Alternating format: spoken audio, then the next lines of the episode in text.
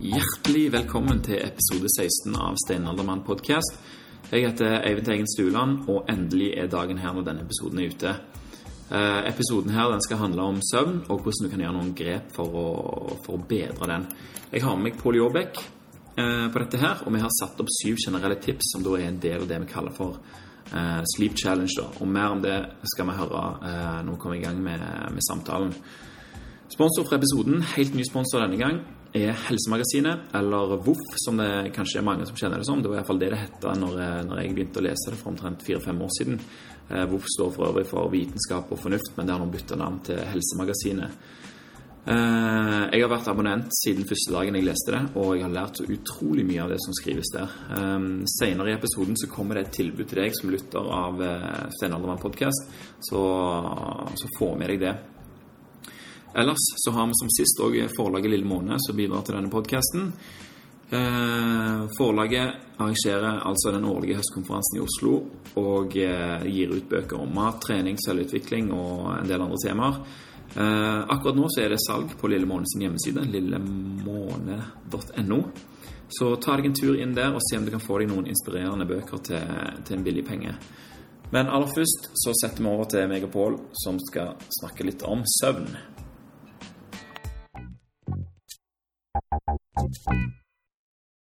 Da, folkens, vil jeg ønske hjertelig velkommen til, til denne episoden her. Eh, som er en episode som meg og Pål Jåbæk har planlagt eh, en god stund, faktisk. Og velkommen til deg, Pål Jåbæk. Tusen takk. Veldig glad for at du vil være med på dette her. Jeg er veldig glad for å kunne være med. Ja, dette blir vel eh, Skal vi se Dette blir faktisk episode nummer 16. Eh, Oi. Uh, ja, så det, det baller på seg. Uh, men meg, meg, og deg vi hadde jo en prat på når du var gjest i episode nummer 11. Ja. Så tenkte vi at uh, vi kom inn på dette her temaet om søvn. Mm. Og litt sånn hva som var lurt å gjøre, hva som var bra. Og vi snakket vel litt om, om hard madrass og, og, rutiner i forhold til søvn osv. Og, Ja. og så ble vi vel egentlig enige om at vi burde lage en helt egen episode med en såkalt sleep challenge der vi setter opp noen, noen tips og råd. Mm. Helt enkle og greie. Og så en, en, dato for start. Og så kan liksom folk høre på disse her, velge ut de tipsene de ønsker å følge, eventuelt følge alle, og liksom se om du kan få mer ut av søvnen din. da. Og vi vet jo alle at hvis vi får mer ut av søvnen, så får vi jo evig mer ut av neste dag. Ja. Så um, det blir på en måte å hacke søvnen, dette her, for å, få, for, for å kunne leve et, et bedre liv, rett og slett. Få litt mer ut av dagene. Ha litt mer energi. Og ikke minst restitusjon i forhold til trening osv. Er Mm. ikke det en ganske grei eh, forklaring på hva vi holder på med? Jo, det er jo det. Og jeg tror det var, når vi pratet sammen sist, så var det mer en sånn, sånn tanke som kom der og da, når vi snakka litt om søvn og, og, dette med 30 Day Paleo Challenge. Eh, Mm. Og at man kunne dra det videre. For det, eh, det er nok mange som ikke Mange er nok klar, klar over at søvn er viktig. Um, og at, eh, at man burde sove litt mer, og at det har påvirkning på helsa. Men jeg tror det er få som egentlig har satt seg så godt inn i det, og som kanskje er klar over hvor nøyaktig hvor viktig det er. For det, eh, man har kanskje sånn eh, tendens til å glemme det litt. Man, man gjør en 30 Day Failure Challenge, fikser litt på maten, spiser bra en periode. Og så kan det være sånn andre superviktige ting som, som søvn, da, som man glemmer å, å ta hensyn til. Og så kan dårlig søvn eller mangel på søvn, dårlig søvnkvalitet, gjøre at man ikke lykkes med, med alt det andre som man forsøker å få til. Mm. Det er jo ingenting som er så demotiverende som å ikke orke å gjøre det du har planlagt fordi at du er trøtt, rett og slett. Nei, ja, nei det er jo helt, det er helt forferdelig, egentlig. Det, Da havner du veldig fort i en eh, ond sirkel.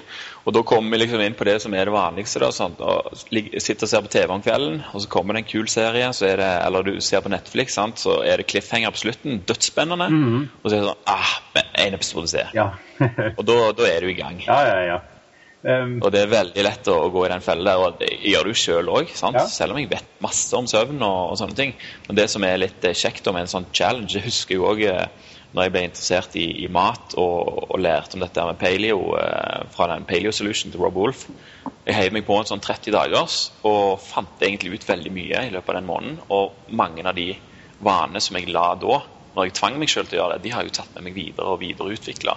Så det er det ofte resultatet av en sånn challenge er, at du får, får prøvd noe, og du får presset deg selv til å legge noen vaner ja. og, og, ta det med deg videre. Mm. Ja, men det, det, er helt riktig. Eh, det blir litt som, blir litt som en diett, på en måte. Jeg er veldig lite glad i dietter, altså der du gjør en midlertidig forandring i kostholdet bare for å teste hvordan det er, og så eventuelt gå tilbake til det gamle kostholdet litt senere. Men, men, noen ganger kan dette med å gjøre en sånn midlertidig endring og, og satt, satt, en sånn endring som er satt i system, da, som en sånn 30 dagers challenge eller en søvn-challenge som vi lager nå, uh, det kan være utrolig nyttig. for altså, sam, Alternativet er gjerne at vi bare sier at ja, nå skal jeg ta en periode der jeg prøver å sove litt mer. Så blir det litt sånn halvveis. Eller at vi tar, sier at vi tar en periode der nå, nå, skal jeg prøve å spise litt sunnere, leve litt sunnere, mm. kanskje trene litt mer. Uh, og, og, så, og, så, går du glipp av veldig mange viktige erfaringer som du får hvis du gjør det 100 hvis du gjør det ordentlig. Hvis du setter, setter opp en, en sånn, noen regler da, som du skal følge i en måned. og Da får du en helt annen erfaring, som du sier. altså Du, du lærer så mye mer. Og så kan du ta et ordentlig valg når du er ferdig om hva du vil gjøre videre. Mm. Og Det er det jeg og bruker alltid sjøl òg. Altså, desto mer informasjon om du, du har om et evne, f.eks. mat eller søvn, desto enklere blir det å gjøre valgene. Men det er jo erfaringen som virkelig kan, kan gi en, en, stor forandring i hvordan du forholder deg til, til disse vanene. Da. Ja, det er det. Og man trenger en ordentlig, trenger en ordentlig erfaring. En erfaring som man, er sikker på at man eh, at etter man har gjort eh, en endring i livsstilen, at man er sikker på at det er denne endringa som har ført til de resultatene man kjenner. Og ikke at det er sånn at man og jeg vet ikke helt, man har ikke prøvd ordentlig. Jeg vet ikke om det var fordi jeg var syk, eller var det kostholdet mitt, eller hva. Du må, du må gjøre ting ordentlig for å være helt sikker, og for, for å kunne stole på, på erfaringene dine også. Ja, og det som jeg tenker litt eh, i forhold til denne podkasten her, så liker jeg jo også å få gjester inn og så forklare fortelle sin historie, eller liksom hva de er interessert i og sånne ting. Og det er jo, eh, sånn I utgangspunktet så kan det jo være bare ren underholdning. Men jeg håper jo at det, eh, at det kan gi litt dytt i ryggen til folk, at de har lyst til å prøve noen av disse tingene. Ikke bare høre på hva vi snakker om. For da er det på en måte like langt. Du vet, du vet hva du bør gjøre, men eh, du har liksom ikke prøvd det. Så jeg håper at så mange som mulig vil, vil kaste seg med på denne her og, og finne ut rett og slett hvor mye eh, utbytte vi kan få av å og eh, legge inn noen gode vaner om, om, søvn. Så i denne episoden her skal meg og deg, eh, Pål, gå gjennom eh, alle de syv punktene som vi har satt opp én for én. Yes. Og så skal vi òg ha en ny episode, eller neste episode blir da med Bergljot Rosvold, som er spesialist på dette her med atferd og endring av, av vaner og sånt. Sånn at vi kan se hvordan vi kan enklest mulig endre tankesettet vårt for å implementere disse Eh, rutinene i det daglige livet. da. Mm -hmm.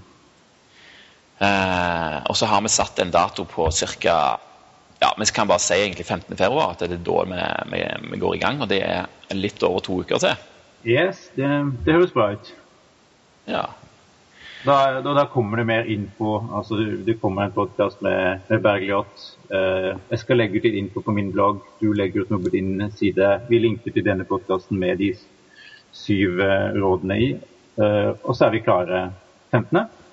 Ja, og i løpet av den tida så håper vi at mest mulig folk deler denne episoden, sånn at eh, vi får med oss så mange som mulig. Ja. Og ja, rett og slett ser om, om vi kan få en liten uh, soverevolusjon ut av dette her. vi får prøve. Ja. Men, om det er lov å håpe. Dette, har, dette, er viktig for helsa.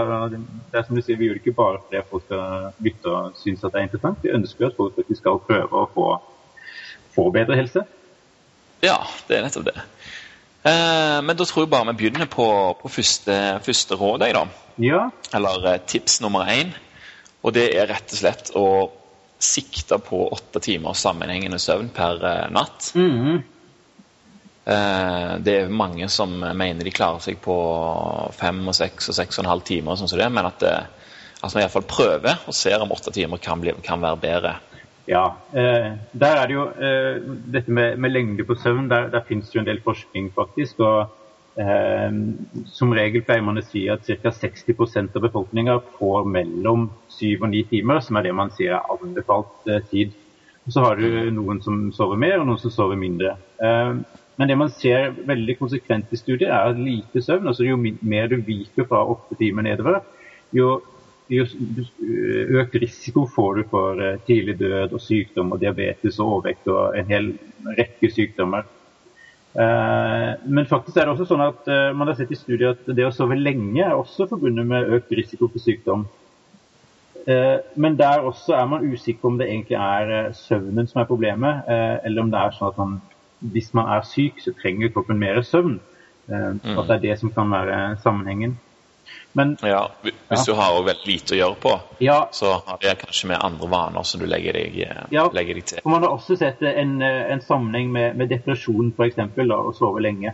Og, um, og da, da, da, kan det jo på en måte være andre ting som er problemet, som egentlig gjør at du har en økt risiko for sykdom. Men, um, men, det generelle er at uh, det ser ikke ut som vi skal sove så veldig mye mindre enn de åtte timene. Det er, det er en tredjedel av, um, av døgnet. Uh, og det er, det er, veldig vanlig. Altså vi, vi, mennesker har en tendens til å havne rundt åtte timer automatisk hvis vi bare får, får lov til å sove så lenge. Ja. Uh, og så er det veldig vanlig at man hører folk som sier at å nei, jeg klarer meg så så lite søvn. Um, det går fint å bare sove fem timer om natta. Uh, men sannheten er jo at det ser ut som til å være veldig sjeldent at noen faktisk kan klare seg med f.eks. fem timer om natta. Det, man, det, dukker opp sånne tilfeller innimellom, men det, det er kjempesjeldent. Og, og, og, en ting er at det, at det, kanskje kan dukke opp, men en annen ting er at, at, at, man, at man begynner å se på det som en sånn noe å trakte etter, og sove minst mulig. Um, og Det er litt synd at vi gjerne ser opp til folk som uh, jobber masse og sover lite. Uh, Margaret Thatcher ja. hun sa jo at 'sleep is for wimps'. Yes. hun var jo en av de som sov liksom fem timer, eller hva det var. Mm, ja. Så, men sant, da må det jo være altså Hun er jo en ekstrem person, så jeg kan tenke meg at de fem timene var nok ganske eh, sikkert god kvalitet på den søvnen. Så Det er jo forskjell på om du har god kvalitet, eller om du bare sover lenge med, med dårlig kvalitet. Ja, det er også et viktig poeng. Kvalitet eh, er jo nesten viktigere enn kvantitet når det gjelder søvn. Mm. Du vil ned i den dype søvnen for å kunne kunne reparere mest mulig av muskler, og òg å skille ut eh, avfallsstoffer som har danna seg i hjernen i løpet av dagen. Mm. At de skal kunne flushe seg ut. Det er jo en veldig viktig del av, eh, av det å ha en, en overvåken hjerne rett og slett som fungerer. Og, og Det som er litt eh, problematisk, er jo at når du har hatt lite søvn over en periode, så føler du at du mestrer det å ha dårlig søvn bedre og bedre. Ja. Eh, men når du ser på sånn kognitive tester, og sånn, så viser det seg at du du mestrer det ikke like bra. Du, du er dårligere og du er treigere, og du, du, klarer sånne logiske oppgaver eh, eh, dårligere enn det du gjør når du har søvn, selv om du føler at du har på en måte det samme overskuddet. og sånn. Og Det er viktig å, å, å tenke på òg. Eh, det er en sånn kjempefin analogi som jeg, jeg eh, hadde tenkt å nevne i forbindelse med det. Ja. Det er liksom Hvis du har, hvis du har drukket et glass vin, eh, eller halvannet eller to, eller hvor mange du trenger for å bli litt brisen, så tenker du wow, her var det en endring i, i tilstanden. Nå vet jeg at det ikke er lurt å, å kjøre. Mm. Men når du da kommer opp i litt flere enheter, så begynner liksom selvtilliten å komme litt tilbake. Du får litt bedre kontroll på hvordan det er å være berusa, og plutselig så kommer, eh, kommer liksom selvtilliten tilbake, og du liksom Ja, nå kunne du jo kjørt uten problem. Men faktum er jo at, eh, at du klarer ikke å kontrollere en bil like bra som når du er edru. Det, ja. Selv om det føles sånn ut. Og Sånn kan det være litt med søvn òg. Du føler du klarer å mestre det, men du presterer dårligere enn eh, hva du optimalt kunne ha gjort. Ja, og det, og det, det er et godt poeng, for du er, du er, ofte ikke klar over hvor dårlig du presterer, og hvor mye bedre du kunne ha prestert hvis du bare hadde sovet.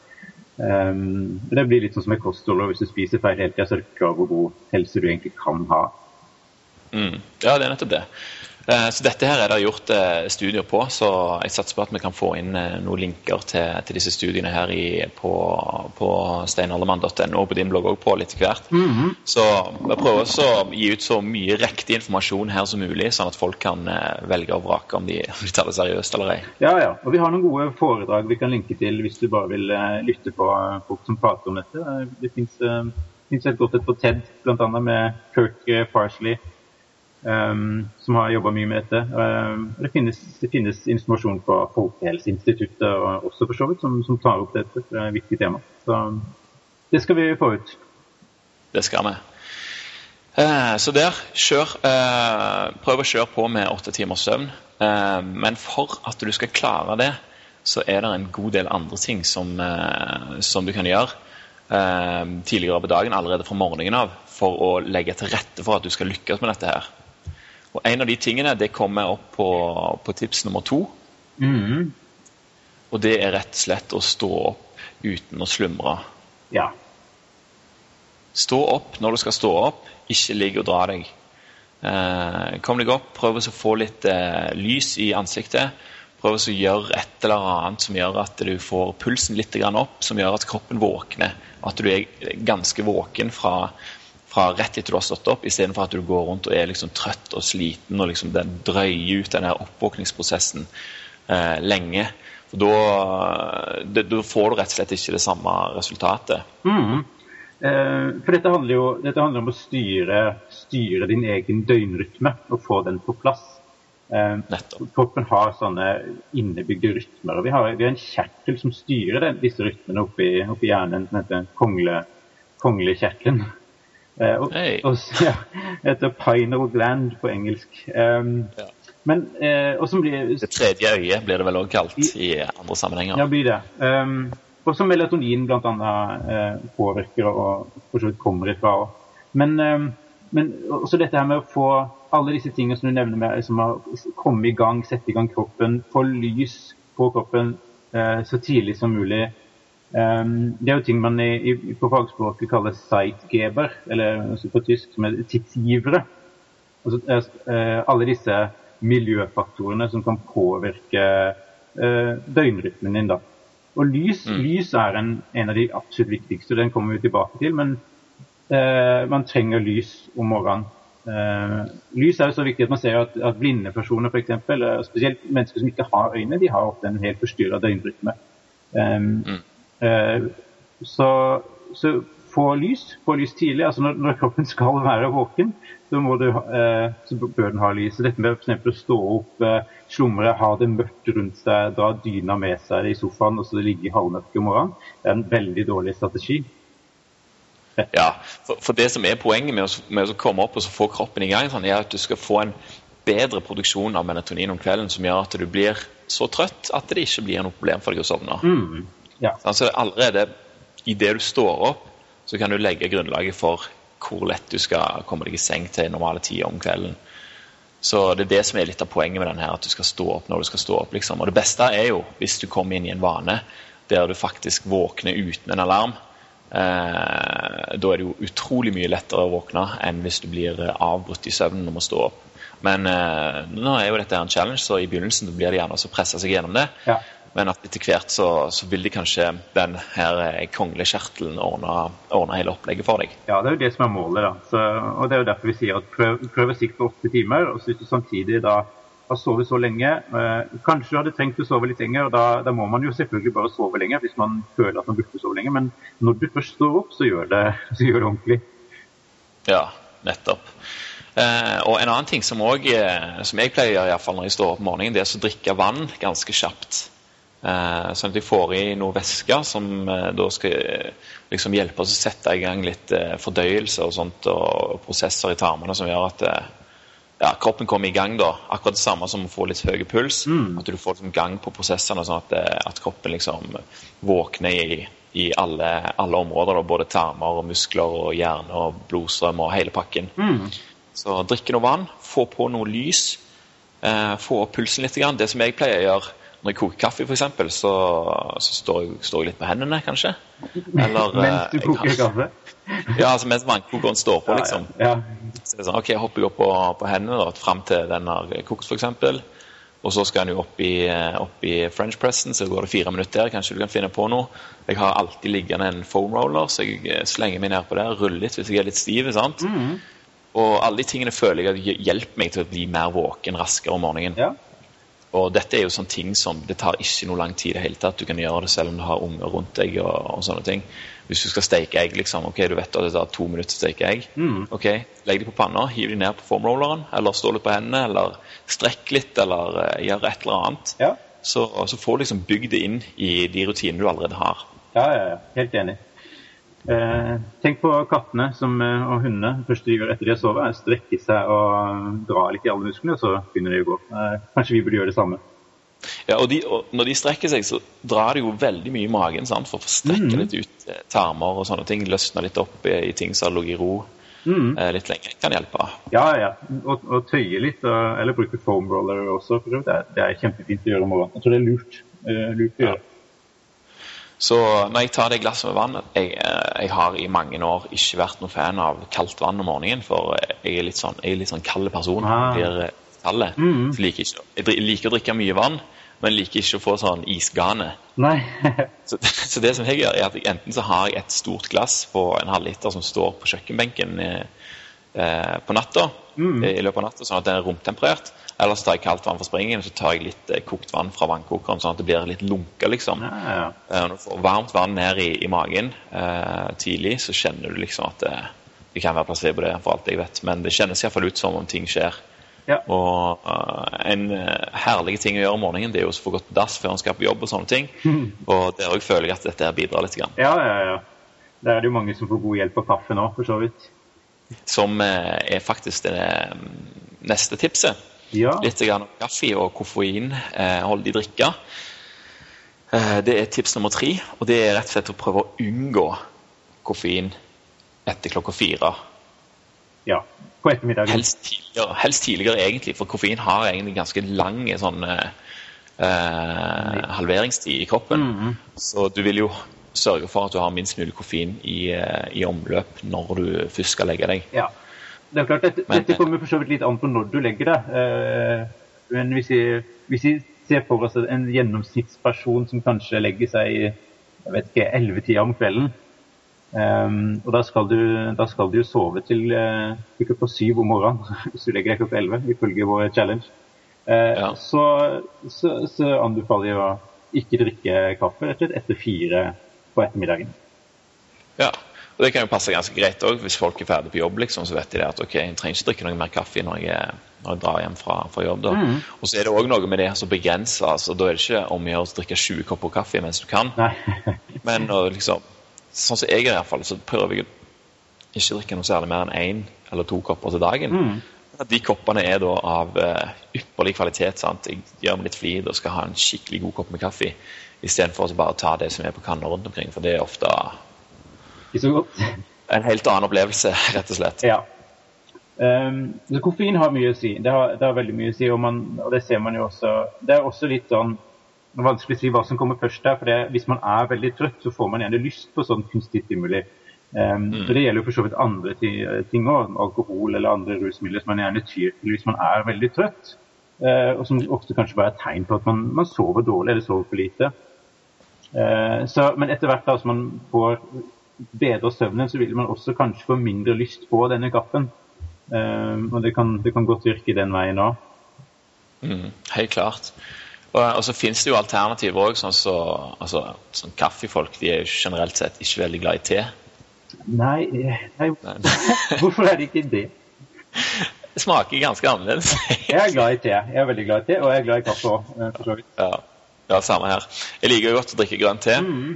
Sånn helt uh, ren grønn te uten noe sånn Ofte når du kommer på, på sånne plasser, te- og kaffeplasser, og sånn, skal kjøpe noe, så får du liksom sånn miks grønn te med jordbær og aprikos og alt mulig greier. liksom. Det, det tåler jeg ikke. Det liker jeg ikke så godt. Men bare helt vanlig, helt grønne te, det syns jeg er det, altså. Ja, ja, det er godt. Det er veldig godt.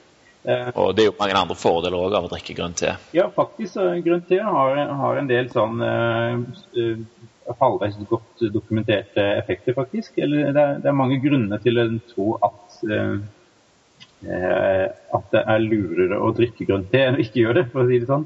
Um, ja. Så det, det, er det, er, det, er litt koffein i grønt te også, men uh, ikke så mye. Og ikke på langt nær så mye som kaffe. og Samtidig er det også noen andre stoffer, i hvert fall ett som, man, uh, som ser ut som det virker beroligende, som kanskje virker litt andre veien. Mm. Så, så grønt te kan nok være et veldig godt alternativ til kaffe etter klokka fire uh, på ettermiddagen. Ja, og så er det jo òg noe med det at at te kan òg virke vanndrivende. Mm. Så man skal ikke drikke for mye av det heller. Heller ikke for mye eh, tett opp mot når du skal legge deg. For da må du kanskje opp og gå på do ja. eh, om natta, noe som du òg egentlig vil unngå. Ja, selvfølgelig. Er, hvis, hvis, man skal helst unngå dopauser midt på natta. Eh, da skal man sove. Jeg husker jeg, jeg, bodde i Kina en eh, liten periode når jeg var et par og tjue. Mm -hmm. Drakk kaffe, te hele, hele, hele, hele tida. Yeah. Uh, og kom hjem og fortsatte å drikke te, liksom. Men jeg var oppe om natta så sinnssykt mange ganger, liksom. Så var jeg hos legen, for jeg hadde, jeg hadde brent meg uh, på armen. Ah. Ganske sånn stygt eh, brannsår, egentlig. Av kaffe, da, selvfølgelig. Uh, på nachspiel, selvfølgelig. Men det er nå så. Men i alle fall så nevnte jeg det at jeg må opp og tisse liksom to-tre ganger hver natt. Hva, hva kan jeg gjøre med det? Og så sa han bare enkelt og greit ikke drikk så mye. Ja. Og Det kan være løsning, og siden den gang så har jeg ikke prøvd å ikke drikke så mye på kvelden, og det, det hjelper, det, altså. ja, ja, men du gjør det.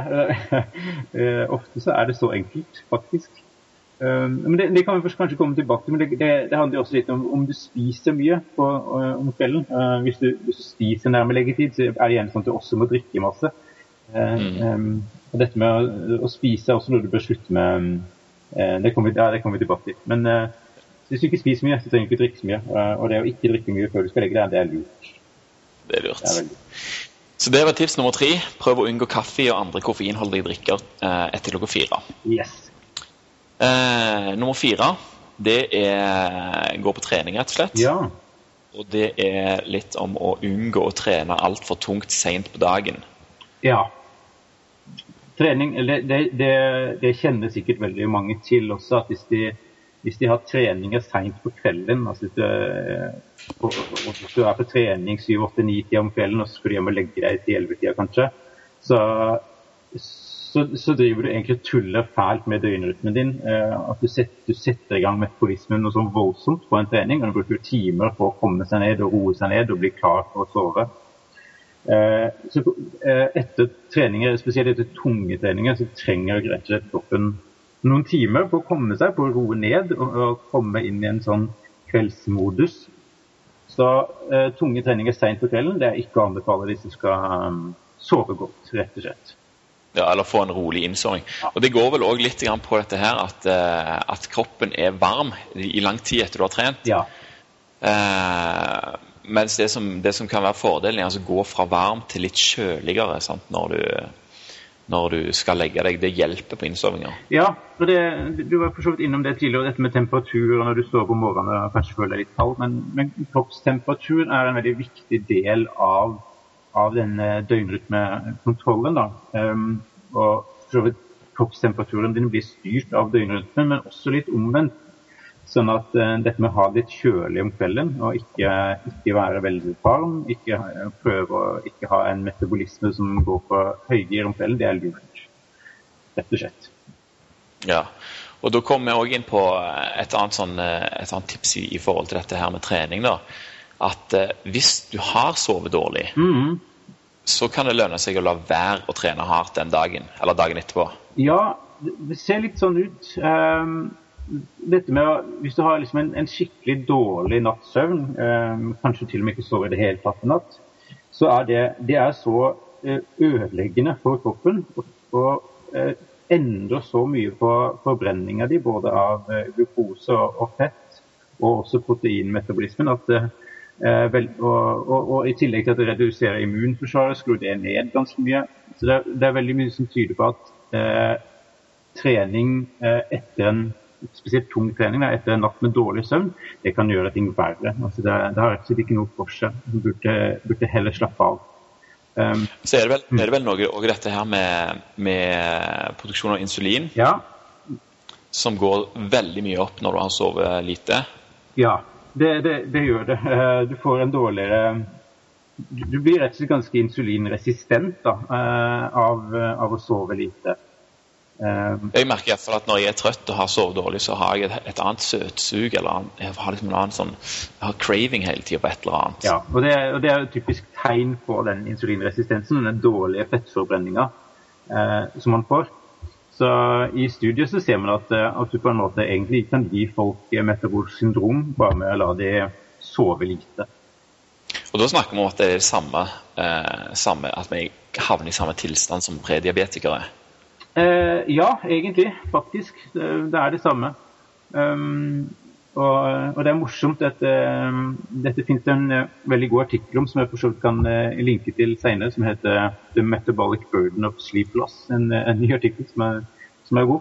Um, men, men, de ser det at, at man, har mange, man, har gode forklaringer på hvordan mangel på søvn rett og slett endrer mye på, på forbrenninga og på metabolismen, og, og spesielt påvirker insulin og insulinfølsomhet i ulike vev. Eh, så du, du blir, og, og da, da, blir du veldig dårlig rusta for å gjennomføre en trening, og, og dårlig rusta for å komme deg etter treninga. Men, eh, men trene hardt, altså det er jo, det er jo generelt. Eh, men liksom, det går an å trene litt rolig uten at du trenger å, å tape. Altså, grunnen til at vi trener, er jo fordi at vi vil bli bedre. Men hvis vi trener veldig hardt ja. når vi har sovet dårlig, så, så, klarer du ikke å bli bedre. Nei, og, og med tanke på, på lang sikt, hvis du skal tenke deg et godt treningsprogram eller treningsprogresjon når smart lagt opp, så, så, er det egentlig sånn at hvis du, hvis du, sover dårlig i natt, så bør du tenke at ja, neste dag så er det Selv om du hadde planlagt å ha en tung trening eh, neste dag, så, så, bør du utsette den og heller gjøre, gjøre en rolig økt. Si at ja, da tar du en bevegelighetstreningsøkt, da tar du en yogaøkt, eh, sånne ting. Men du, du dropper crossfiten, du dropper intervalltreninga eller hva det er du har tenkt å gjøre. Um, mm. For det har du ikke godt av da. Og så utsetter du heller den tunge treninga til etter en natt du har sovet ordentlig godt. Da har du et ja, helt annet potensial. Ja, sant. Vi har jo alle opplevd å komme på trening og, og liksom føle at åh, i dag var det tungt. Ja, og det, og det er litt sånn eh, man, skal være litt, man skal være litt sånn smart når det gjelder den treninga der. For det, det, er lett å tenke at eh, det er alltid bra å presse seg gjennom en trening uansett. Du skal være fornøyd med det. Eh, men eh, noen ganger føler man seg bare litt trøtt og slapp, og det er jo én ting. Men hvis du vet at du har sovet veldig lite, og det er grunnen til at du føler deg trøtt og slapp, så det, kan det være lurt rett og slett å stå over trening. Så Jeg er jo ikke en av de som pleier å anbefale å ikke trene, egentlig. Men, men det, er, det, er, smarte dager å trene på, er, og ikke så smarte dager å trene på. Og, så ja, Dette handler litt om det, det, du snakket om. Det blir en sånn type hacking. En, en, mm. en kroppshacking Prøv å kjenne litt på det, finne litt ut av det, teste, teste litt ut egentlig på deg sjøl. Ja, og det er jo det det handler om, dette her, eh, egentlig. Eh, å finne ut eh, hvordan vi kan få mest ut av det vi gjør hele veien, istedenfor å bare basere det på at vi har bestemt oss for noe. Det, det kan være veldig bra for, for, å jobbe inn rutiner og, og være vant til å presse deg gjennom eh, liksom en, dårlig, en, følelse der du ikke føler deg helt pigg. Liksom. Det kan jo ha en, en, gevinst mentalt sånn sett mm. eh, for, for, videre framgang, liksom. Men eh, hvis du skal ha liksom, optimalt ut av det du holder på med, så, så, kan det være greit. Så lenge du ikke bruker det som en unnskyldning. Ja, ja. Ah, ta to episoder til på Netflix, så slipper jeg å trene i morgen. Ja, ikke sant? Um, nei, nei, nei, det må man jo selvfølgelig ikke gjøre. Og det er jo, um, og det, og det er jo et, et, grunnleggende poeng her at altså, hvis, du er, hvis, du er, interessert i å forbedre helse, så er det viktig å ikke henge seg opp i detaljene. Så du må få de, de store, viktige tingene på plass først. Altså, du må gjøre de, de viktige tingene med kostholdet, de grunnleggende ting med kostholdet, de grunnleggende ting med trening, de grunnleggende ting med søvn og stressmestring. Så å begynne sånn å tweake på detaljer, eh, det skal man vente med til man har fått det grunnleggende på plass. og det å, Bare det å legge seg i god tid eller få, få en god søvnrytme, da, det er en av de grunnleggende tingene som man på en måte må få på plass. Eh, så Hvis du er en av de som henger deg opp i sånn uh, hvor mye, hvor mye omega-6 kan jeg egentlig få i meg, eller hvor mye protein eller fett bør jeg spise. og Hvis du, hvis du har liksom de tankene, men ikke egentlig har begynt å tenke på søvn ennå engang, så, uh, så gjør du noe galt. Da har du begynt å henge deg opp i detaljer som ikke er viktige i det hele tatt, sammenlignet med det å rett og slett sove godt. Mm. Helt klart. Eh, og når du snakker om eh, dette her med kosthold og sånn, så kommer vi jo rett inn på neste tips. Ja. Eh, dette var nummer fire. ja. Unngå å trene for seint eh, på dagen. Trene tungt iallfall for seint på dagen. Og tips nummer fem, da. Prøv å ikke spise mye mat, eller uh, mat iallfall de siste to timene før du legger deg. Mm. Um, jeg har faktisk eksperimentert litt med det den siste tida. Jeg, jeg legger meg vanligvis i ellevetida. Um, og så har jeg bestemt meg for at jeg skal ikke spise etter klokka åtte om kvelden. Uh, ja. Tre timer, faktisk. Ja, det er tre timer. Og, og da spiser jeg opp til frokost sånn i nitida kanskje dagen etter. Så det blir, det blir sånn gode tolv timer uten mat med, mm. med, søvn. Og jeg må si at jeg trives veldig, veldig godt med det. Um, uh, jeg føler meg mye bedre når jeg skal sove, og rytmen er roligere. Uh, dette med å spise mye rett før man skal legge seg, det, det er også noe som forstyrrer søvnen. Du kan, du kan godt være du får sove like lenge, men du kan få en dårligere kvalitet på søvnen. Kanskje du kan slite med å få sove. Du får den der, Kroppen skrur opp metabolismen, du blir varmere, du kan bli urolig, du får masse næring ut i blodet som må lagres. Eh, men du ligger helt stille, eh, eller du ligger helt stille, så da må det lagres. Du får ikke brukt det opp ordentlig. Du kan, det er lett å bli litt urolig av det. Så det, det må rett og slett være litt sulten, og kanskje til og med litt kald. Eh, det, det kan være lurt når du skal sove. Rett og slett.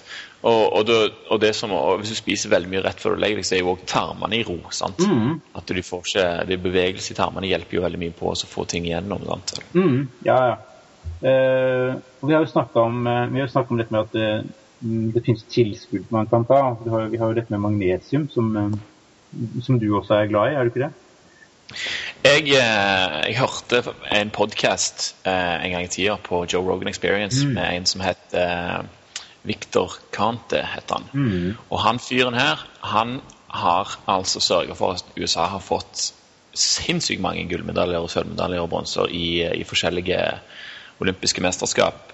Mm. Fordi han var rett og slett ekspert på å lage the clean, som han kalte det for. Han var en av de første som, eh, som begynte å, å analysere blodprøver for å finne ut hvordan du kan dope kroppen uten at det viser på de testene som, eh, som arrangørene har.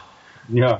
Så når, når arrangørene får en ny test som ok, nå kan, vi, nå kan vi se om folk har gjort det, så var hans oppgave å komme på det neste the clean, mm. som faktisk er lovlig, liksom, fordi han ikke vises på, på, på testene.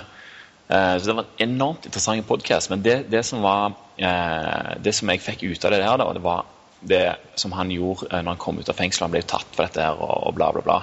Så nå bestemte han seg for hvordan skal jeg klare å lage et tilskudd som utøverne får veldig mye igjen for, uten at det er ulovlig. Med bare et tilskudd av eh, mineraler, rett og slett, eh, eller vitaminer. Ja. Og det som han kom opp med nå, det er noe som sikkert veldig mange har hørt om, det er ZMA. Mm. Eh, Så det var han som lagde den første versjonen av det.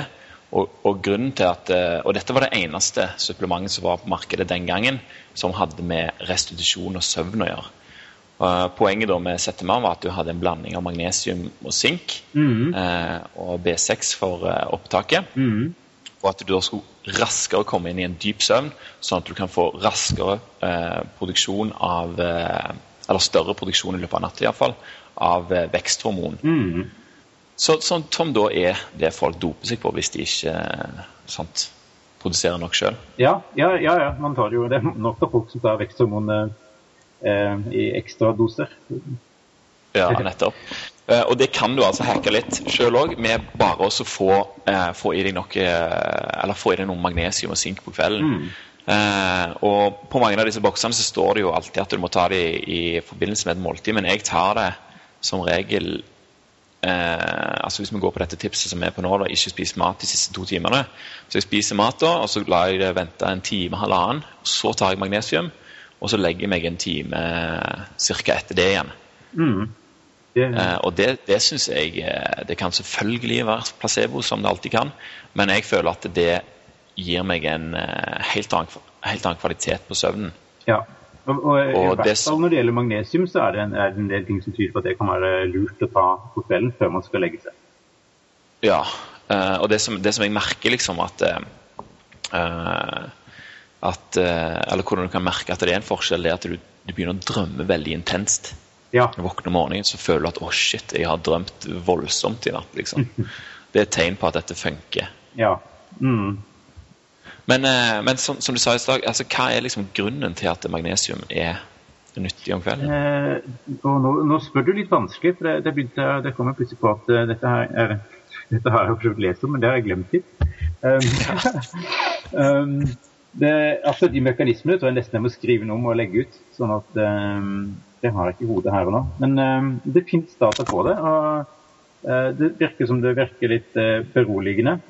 Um, på en eller annen måte. Og så, har du i tillegg dette med en ekstra bonus er at det er ting som tyder på at det kan hjelpe mot sånn kramper, bl.a. som folk kan slite med. Og så kan være, eh, også ødelegge søvnen litt for folk. Ja. Og da er det jo om å gjøre selvfølgelig å få en magnesium som faktisk virker. Eh, Ja. Det er jo både gode og dårlige. De som de har på apoteket, f.eks., som er sånn magnesium eh, Oksid eller ja, sånne ting. Ja. den som gir dårligst opptak. Mm. Eh, Den jeg bruker sjøl, er den fra Pure Pharma, som heter M3. Den syns jeg funker veldig bra. Og, og Pure Pharma er jo veldig nøye på å lage kvalitetsprodukter. De, de betaler heller litt mer for kvalitet eh, enn å lage et eh, produkt som ikke er optimalt. da. Mm. Eh, du, hadde jo, du hadde jo et intervju med han godeste eh, legen, C-vitaminlegen, som du hadde på podkasten for litt siden. Ja, stemmer. Eh, da fikk dere vel prata litt om de ulike, ulike magnesiumtilskuddene, hva som er lurt og hva som ikke er lurt. Ja, stemmer det. Vi, vi, snakket litt om det. Jeg håper vi skal få en episode til med han der vi går litt mer inn på dette her med med enda flere tilskudd, hva det kan være godt for. Han er jo veldig eh, Han vet jo enormt mye om C-vitamin, så det var mm. hovedoppgaven hans. Ja. Eh, men det er jo massevis av andre tilskudd òg som, eh, som vi kan ha godt av å, å, å ta da, for, for, å få det beste ut av hverdagen. Mm. Ja, ja. Så, men så magnesium kan være et tips. Dette er jo ikke et eget et punkt, men det var bare i forbindelse med dette med å spise spise mat, rett og slett. At eh, det er en av de tingene som kanskje kan være lurt å spise før man eh, skal legge seg. Ja. Um, og så har vi noe annet også, liksom, som vi kan eh, snakke litt sånn om. Uh, og det er liksom hva skal vi spise da når det siste måltidet? Er det lurt med masse proteiner, karbohydrater eller fett? Liksom, hvordan, hvor, hvor, mye av hver, eller liksom, hva, hva skal en ha fokus på? Jeg har jo hørt at karbohydrater kan være uh, lurt å ha om kvelden, spesielt hvis du ikke har spist det ellers på dagen. At det kan hjelpe deg med å, å slappe av og, og, få en fin innsoving. Ja, det der er litt sånn vanskelig. Man har jo, du har jo noen som har liksom fokusert litt på dette med å få i deg en, en god um, proteinkilde, eller en god kilde til tryptofan, som er um, en aminosyre som melatonin lages av. Uh, og som man ofte ser hvis folk skriver om at å, man blir trøtt av å spise fisk om kvelden, uh, så er det fordi det er så mye tryptofan i det, sier man. Uh, det er litt sånn Så noen mener jo at det kan være lurt å få i seg en god sånn animalsk proteinkilde, rett og slett. Det er, og det er stort sett i vanlig animalsk mat det er mest, mest tryptofan. Eh, så litt proteiner. Dette med, med liksom mengde karbohydrater sånn i siste måltid, det er noe, noe, som jeg er usikker på. og Det kommer, det kommer egentlig veldig an på. Liksom, det kommer an på hvor lenge det er som du har trent og sånne ting. Uh, for det er litt visse ting, Insulinfølsomheten i, i musklene dine f.eks. Den, er, den er størst på formiddagen, og så går den ned på, i løpet av dagen som sier at du på en måte tåler karbohydrater bedre tidlig på dagen enn du gjør det senere på dagen. Mm. Eh, men trener du tungt i løpet av dagen, så tåler du karbohydrater enda bedre. Da har du en forhøya insulinfølsomhet i musklene etter treninga utover kvelden. Um, uh, jeg tror uh, det, der, det er veldig vanskelig spørsmål, men jeg tror uansett hvis du sliter med, hvis du sliter med overvektsproblemer, hvis du har insulinproblemer, så bør nok det siste måltidet bør man jo aldri prøve å spise mye karbohydrater til, til et måltid, og, og, men heller ikke før man skal legge seg. Da bør man gå for vanlig mat med, med en grei porsjon med fett og, og protein. Eh, men så har du for, for, andre folk Du har det gode, gamle rådet med å drikke et glass, eh, drikke et glass med varm melk før du skal legge deg. Eh, da, det er jo ting som tyder på at det har noe i seg. Dette med å få i seg litt, litt sukker og litt protein rett før man skal sove, faktisk. Eller rett før, litt, mm. før. Så hvis det siste måltidet er et sånn eh, protein, karbohydrater, kombinert måltid i en eller annen form, så, så, tror jeg ikke det gjør noe. Men eh jeg tror det viktigste er å styre etter eh, din egen kropp, om du har trent, hva slags dagsform du har, hva du trives med. Og så er jeg litt usikker. Har du noen erfaringer sjøl? Uh, eh, jeg har jo for så vidt prøvd best. Altså, jeg kan, kan ikke si at jeg har merket noen sånne enorme forskjeller. Altså. Nei. Kan jeg ikke si. Uh, så det viktigste vil jo bli det hovedtipset, at du ikke skal spise mat de siste to timene før du legger deg. Cirka. Jeg tror, tror nok at det vil, det vil ta uh, største støyten uansett. Ja, ja for det, det, på en måte tar vekk litt av den, den effekten av, av, å spise et måltid rett før man skal legge seg. og da Um, da tror jeg heller ville sagt at, at, det er langt viktigere å ikke spise de to siste timene, og så spise hva du vil da, egentlig. Mm. Og det, Dette er litt vanskelig, fordi jeg har hørt absolutt alle varianter av hva som er viktig når du skal, skal legge deg. liksom, så mm. det, det, er ikke så godt å si. Men eh, litt av alt kan sikkert være en grei del, og så er du litt safe eh, på alle kanter, egentlig. Ja, antageligvis. For jeg har ikke sett noen data som tyder på at du absolutt ikke bør spise fett, eller absolutt ikke bør spise proteiner, eller absolutt ikke bør spise karbohydrater før du skal legge deg. Så Eh, så når, når folk snakker, snakker, om dette, så er det gjerne for å liksom, optimalisere maksimalt og bare tweake litt på de alle eh, mm. små Variasjonene der. Men um, jeg tror det... Så Hvis noen vil ta på seg en oppgave ja. og prøve litt av dette her i løpet av Sleep Challengen og så gi en liten tilbakemelding, så hadde jo det vært helt eh, konge. Ja, Eksperimenter litt, test ut, spis ulike typer måter om kvelden og se hva som funker best. Ja, Og gjerne noter det ned, bare det er så fort å glemme, liksom. Mm, ja, ja, det er viktig. Vi tar en liten pause for å snakke litt om sponsoren igjen. Forlaget Lille Måne, som har gitt ut ei fantastisk bok om lam. Eh, jeg er normalt ikke så veldig begeistret for kokebøker med oppskrifter og sånn, men denne her den liker jeg enormt godt. Rune Kalf Hansen som har skrevet den, han har virkelig benytta seg av alle delene fra lam i denne boka her. Og det er noe som jeg er veldig fan av. Når vi først skal slakte et, et dyr, så kan vi godt spise i alle fall alt som går an å spise. Eh, ofte får jeg også spørsmål om hvordan jeg tilbereder f.eks. lamhjerter eller andre deler av, av lammet som eh, Eller andre dyr òg, for så vidt. Som jeg ikke er så vant til å, å tilberede. Eh, og Da tenker jeg ofte sånn Kan du ikke bare lage det liksom og se hvordan det blir? Og så kan du forandre på det til neste gang hvis det er et eller annet som ikke passer. Men hvis du har liksom litt inspirasjon i bånn, så går det, går det, mye lettere å se på den 1 kilos klumpen med lammehjerter du har i frysen, eh, som en mulighet istedenfor en utfordring. Og, og, kanskje du kan til og med lage det til et spesielt eh, måltid når du skal ha folk på besøk eller et eller annet. Uh, Istedenfor at du liksom ikke vet helt hva du skal gjøre med det. Dette fungerer den boka helt perfekt til. Massevis av lure oppskrifter, solid informasjon om lam i seg sjøl. Og ikke minst så har han òg delt opp dette her i sesonger. Uh, det er jo òg veldig praktisk, så du har liksom lam hele året. Lam er jo som, eh, som, kjent et av de kjøttproduktene som er sunnest i Norge, eh, vil jeg si. I og med at de får såpass mye tid på fjellbeite og trenger ikke så mye kraftfôr som, eh, som storfe og gris. Eh, de holder òg vegetasjonen nede og gjør jordsmonnet sunnere til, til, neste sesong. Så dette her er veldig mye positivt med lam, da, så det prøver jeg alltid å kjøpe veldig mye av på høsten. Eh, Lille Måne, som har gitt ut boka, de er òg på plass på den store kostholdskonferansen i Larvik i slutten av måneden. Over 500 folk skal komme. Eh, og det ryktes at det er den største kostholdskonferansen av sitt slag i, i Skandinavia noensinne. Så hvis du skal der, så må du passe på å gå innom standen til Lille Måne. De har som, som nevnt eh, salg om dagen, så må gå inn på lillemåne.no og få med deg noen, eh, noen, inspirerende bøker der til en billig, billig, penge. Det er alltid greit å ha litt inspirasjon i bakhånd om du skulle få besøk og vil f.eks. imponere med et litt spesielt Eh, måltid som lammehjerter, f.eks. Helt ny sponsor for denne episoden er òg Helsemagasinet, Vitenskap og fornuft. Jeg, eh, jeg, husker første gangen jeg kom over et eksemplar av eh, Vitenskap og fornuft, som dette den gangen forkortelse VOF. Det var når jeg var hos, hos CrossFit Bergen i forbindelse med Barefoot Shoes, når jeg holdt på med det. Det var helt i starten, og både Five Fingers og CrossFit var helt nytt, og det var nesten ingen som hadde hørt om noen av dem. Men i alle fall så fant jeg et eksemplar av, eh, av bladet der og satte meg ned til å, til å, bla litt i det. Og følelsen jeg fikk, det var liksom at eh, noen har lagd dette bladet her til meg. Uh, artiklene traff liksom så veldig godt i forhold til det som jeg syntes var interessant. I tillegg så, så, gikk de liksom i dybden og var lengre og mer utfyllende enn en artikler som jeg var vant med å lese på den tida der. Så var det jo på norsk òg, så det var litt eh, banebrytende. når uh, det var så lite populært i, i, Norge at du måtte liksom gå på, på internett og finne engelske artikler hele, hele veien. Uh, så I tillegg til at uh, artiklene er veldig gode, så er det alltid haugevis av kildehenvisninger om du vil grave litt mer. Og artiklene er selvfølgelig skrevet av folk som virkelig vet hva de snakker om. Uh, jeg var iallfall solgt og har siden vært abonnent.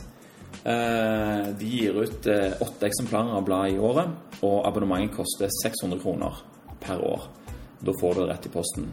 Men siden du hører på Steinaldermann podkast, så har vi fått et eh, eget tilbud til deg, siden du mest sannsynlig allerede er interessert i temaene som, eh, som det blir skrevet om i dette bladet her.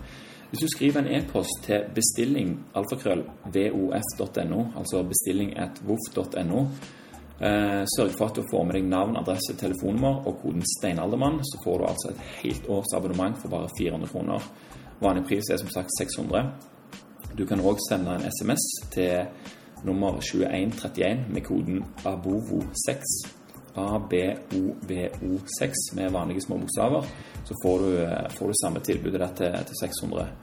E-post altså til bestilling at voff.no. Navn, adresse, telefonnummer, koden steinaldermann. Så får du ett års abonnement til 400 kroner. SMS 2131 med koden ABOVO6 for å motta samme tilbud. Eh, jeg legger selvsagt eh, ut denne informasjonen her på steinaldermann.no og i notatene til denne episoden om du ikke får det med deg med en gang. Så gå inn der hvis du vil benytte deg av dette, dette tilbudet. Det vil du ikke angre på. Good. Da er det tilbake til de syv pilarer om søvn.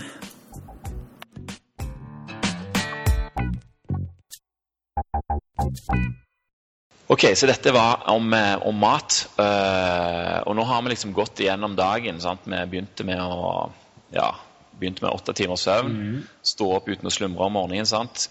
Uh, gjerne drikke kaffe på formiddagen. og sånt, Unngå det om kvelden. Unngå å trene for hardt seint på dagen. Ikke spis mat de siste to timene før du legger deg. Og så kommer vi ned til tips nummer seks her, som jeg tror har enormt mye å si. Og Det er å skru ned kunstig lys i tida før du skal legge deg, gjerne de to siste timene. Sånn at du får satt i gang produksjonen av melatonin, og at du sakte, men sikkert får gjort kroppen klar til å legge seg, at den blir trøtt. Ja. Eh, dette, kanskje, dette er det rådet som jeg syns er viktigst, ved siden av det med å rett og slett sove nok, sove an, nok antall timer. Det er å skru ned lys. Um, Kroppen vår er laga sånn at den har en døgnrytme. Den døgnrytmen blir styrt av, i stor grad styrt av lys. Og, produksjonen av melatonin blir styrt av lys, som treffer, treffer oss. Um, og melatonin er for så eh, også et veldig viktig stoff. Du vil gjerne ha mye av det. En kjempekraftig antioxidant òg, i tillegg til at det styrer eh, døgnrytmen din. Så du, du, vil ha en god produksjon av melatonin. Um, men uh, uh, veldig mange av disse apparatene vi omgir oss med, som PC-er pads og telefoner de, de sender ut en, en bølgelengde som kroppen eh, en lysbølgelengde som kroppen tolker som dagslys, rett og slett. Eh, det er det de kaller for blått lys? er det ikke det? Ja, det er blått lys. Den blå bølgelengden. Um, og, og det, det, det, tuller ordentlig med døgnrytmen din. Altså det, det, ødelegger den fullstendig. Og Dette er sånne ting som du ikke nødvendigvis kjenner. Uh, Du kan godt være du sover nok om natta, du, men du sitter og ser på en pad helt til du skal sove. Men det, det vil likevel kunne ødelegge kvaliteten på søvnen og ødelegge døgnrytmen din. Så det betyr at du kan, du kan, gå og være trøtt hver eneste dag, selv om du sover åtte timer, fordi du utsetter deg for dette lyset om kvelden. Um, så her er vi inne på et veldig viktig aspekt med, med kvalitet på søvn, og at, du, at døgnrytmen din faktisk står til når du sover. Um, kroppen din har behov for å oppleve kveld før den skal sove. Den har behov for å oppleve at sola går ned og at det blir mørkere. Uh, og Det er jo grunnen til at vi sier at uh, når det er to timer før du skal legge deg, legg vekk mobilen. Slå den gjerne helt av. Legg vekk padder og gjerne kutt TV-en også. Uh, selv om det faktisk ser ut som det kan være litt mindre viktig med TV-en, som du kanskje sitter langt unna og ser på. Sammenlignet med ja, for ja, Telefoner og pads har du jo helt oppi fjeset. De har du nærme øynene. ordentlig, De, de lyser deg rett i trynet. Eh, hvis du absolutt må bruke de, så, så, finnes det hjelpemidler som kan ta vekk den blå bølgelengden eh, på lyset, eh, og som også vil faktisk hjelpe ganske mye. Du har disse brillene eh, Du kan kjøpe briller som du kan ha på deg om kvelden, som tar, tar bort den, eh, den blå bølgelengden, sånn at det blir ganske sånn rødt. Eh, til PC-er og andre netting så kan du laste ned apper, sånn som, eller programmer som F Flux, f.eks., som, mm. som, som skrur ned det blå lyset på PC-en om kvelden. Eh, og, og, så, og, så, får det mer sånn rødlig farge på, på skjermen. Men hvis, hvis, du har, hvis, du absolutt må sitte og jobbe med ting som ikke krever noen sånn nøyaktig fargegjengivelse, så, så, er det veldig lurt å, å, skaffe seg noen sånne briller eller noen sånne programmer som tar vekk den blå bølgelengden. Eh, for det har utrolig mye å si. Mm. Og, og, det som er motsatt av den blå, da, det blir jo da rødt, som er mer beroligende lys. Ja. Det, det, og det, det tåler mye mer. Det påvirker, påvirker ikke døgnrytmen din så, så, mye, eller så negativt på den måten. Ja. Så det, mm så er det bare én ting som jeg tenker på ofte sjøl. Liksom, ok, så har jeg roa ned og liksom, ok, jeg kjenner at jeg er trøtt og god. liksom, og Gjesper litt, strekker meg, og så skal jeg gå på badet og pusse tennene. Og der er det jo flombelysning sant? rett foran speilet, så du får det dobbelt opp. Pju, masse blått lys rett i ansiktet. Mm. Som, eh, som selvfølgelig da ikke er så lurt, men det er jo sånne ting som du gjerne ikke tenker på. Mm. Så hvis du har lys rett over speilet, bare skru av det, og så demp lyset, ha det litt eh, mørkt på, på badet mens du pusser tennene og tar kveldsstellet. så, så slipper du å ødelegge for den liksom, nedtrappinga som du allerede har eh, satt i gang med da, på kvelden. Ja, for det, det, ser faktisk ut som det er en, en sammenheng med, med, hvor lenge, altså totalt antall tid du blir utsatt for sterkt lys om kvelden, og, og, og, hva det gjør med døgnrytmen din. Så eh, har du mulighet til å dempe belysninga hele huset om kvelden, så, så gjør det. Bare, og, det vil du kjenne også på kroppen, at det er, det er, mye lettere å slappe av hvis du kan skru ned alt lyset litt og, og, få et par timer der det er, det er rolig rundt deg, det er lite lys. Um, og kroppen oppfattes som en, som en naturlig kveld og en naturlig overgang til søvn. Ja, og En annen ting som jeg har funnet eh, veldig nyttig, da, er at hvis jeg vet at jeg skal roe meg ned i løpet av den tida der, så kan ikke jeg drive og tenke på hva jeg skulle ha gjort i dag, eller hva jeg skal gjøre i morgen, og prøve å løse liksom, oppgavene til, til, morgendagen mens jeg skal roe meg ned. Da er det best å liksom ha gjort det. Vær ferdig med det du skal gjøre. Ha allerede planlagt morgendagen til klokka åtte, sånn at du slipper å tenke på det. Ofte er det sånn når du legger deg, så er det sånn Shit, jeg glemte å gjøre det. Så begynner du å tenke og spinne av gårde. Ja. Eh, som gjør at du får vanskeligheter med, med å sove da igjen. Men hvis du, er, hvis du, vet hva du skal gjøre i morgen, og du vet at du har gjort det du skal gjøre i løpet av dagen, så får du mye finere eller får iallfall mye mindre eh, produksjon av stresshormon da, mm. eh, så sent på kvelden, som er en gigantisk fordel. Ja. Eh, og en av de tingene som jeg har begynt med nå i det siste Jeg har holdt på litt, uh, prøvd litt forskjellige ting siden vi snakket om dette. her. Og Den ene tingen det er å faktisk skrive, uh, skrive ned ting om kvelden. Mm. Det kalles, jeg tror det kalles dagbok eller noe sånt. Jo, men det, det er et veldig godt råd. Og det du, ja. det, det du er inne på nå, altså er, er, um, det er et utrolig viktig aspekt Eh, altså, det er en tid og, og, sted for alt. og det, er en tid for å bekymre seg for morgendagen og en tid for å ikke gjøre det. Og, det, og det å bli ferdig med all sånn planlegging av, av, hva du skal gjøre i morgen, slutte å tenke på det, det, det, må man gjøre før man skal legge seg. Egentlig en god stund før man skal legge seg. Og Hvis du er en av de som ligger sånn og kommer på ting hele tida, så du, da er det bedre å ha en bok eh, liggende på nattbordet som du bare noterer i. Eh, det du skal huske til i morgen, så slipper du å ligge og prøve å huske det. For det, det blir bare et stressmoment. Og hvis du vil ha en bonus mens du allerede ligger der og, eller sitter der og skal skrive noe i den boka, så gjerne skriv ned minst tre eh, positive ting som har skjedd i løpet av dagen. Eh, og Det som det fører til, er at du på en måte trener hjernen til å mot slutten av dagen så skanner du dagen for positive hendelser. Mm. Som gjør at du da igjen får et positiv holdning til, til videre. sant? Mm. Det blir lettere å utføre det du skal gjøre i morgen, sant? for du vet at okay, det var det som skjedde i går. ja. Og Hvis du da leser det igjen for på morgenen etterpå, så ser du sånn Å, i går, ja, det var ja, fine. Så får du en god følelse der allerede fra start. Så, så har du det gående. Ja, ja. Det er et kjempegodt råd. Så, så dagbok, altså, det, var, det er undervurdert. Det merker jeg sjøl når jeg skal eh, roe meg ned, som jeg kaller det. At jeg faktisk gleder meg til å sette meg ned og skrive litt. Hva ideer jeg har hatt i løpet av dagen, hva som har skjedd, og hva jeg planlegger i morgen. Ja, så får du slappet av helt etterpå. Og, det, og, det, og, den prosessen der, eh, hvis du har lyst til å ha en, en, tid på døgnet til å gjøre det, så er det jo nettopp de siste timene før du skal sove. Der du har skrudd ned lyset litt, der du har lagt fra deg mobiler og PC-er og er ferdig med all sånn jobbeting. Eh, og så mm. bare eh, ha en bok klar og en blyant der du kan notere ned alt, eh, alt som skulle komme, falle deg inn. Eh, mange opplever at de at de, de, blir mer kreative i den eh, tida der, når de bare blir vant til å legge vekk alt annet som er av forstyrrelser. og tenker at du ikke må ikke se ferdig eh, den, den serien på Netflix eh, akkurat da. Um, mm. Så du, du kan opp, det, ja, Jeg også opplever at det er, det er en deilig periode hvis, du, hvis, man klarer å slappe av da. og Det er lett å bli litt kreativ. Ja, jeg, jeg gjør det på, på soverommet da, før jeg skal legge meg. Jeg skriver litt i den boka, mm. og så leser jeg litt. Og da er du trøtt og god, altså. Ja, ja. Og, og, så har jeg, har jeg, rett og slett bruker stearinlys eh, når jeg skal gjøre det. Ja, ja, ja. Det er ikke dumt. Og det, det er superkoselig. Ja. Føler jeg er på telttur, liksom, og skikkelig koser meg der. Ja. Så, så, det kan være en fordel. Og det som er fordelen, er jo selvfølgelig at det produserer ikke blått lys. Mm. Uh, så det forstyrrer ikke, ikke melatoninproduksjonen der. Uh, så det var noen tips om hva du kan gjøre uh, i, i, forhold til å roe deg ned om time, noen timer før du skal legge deg. Skru ned lyset, gjør deg ferdig med dagens oppgaver. Og gjerne sett telefonen på flight mode. Det, det, blir så mye lettere å slappe av Når du vet at det, du trenger ikke sjekke Facebooken, eller det kommer ikke en mail eller et eller annet. Du trenger ikke å svare på det eller få det med deg der og da. Det kan vente til, til neste dag. Ja, ja. Det kan vente.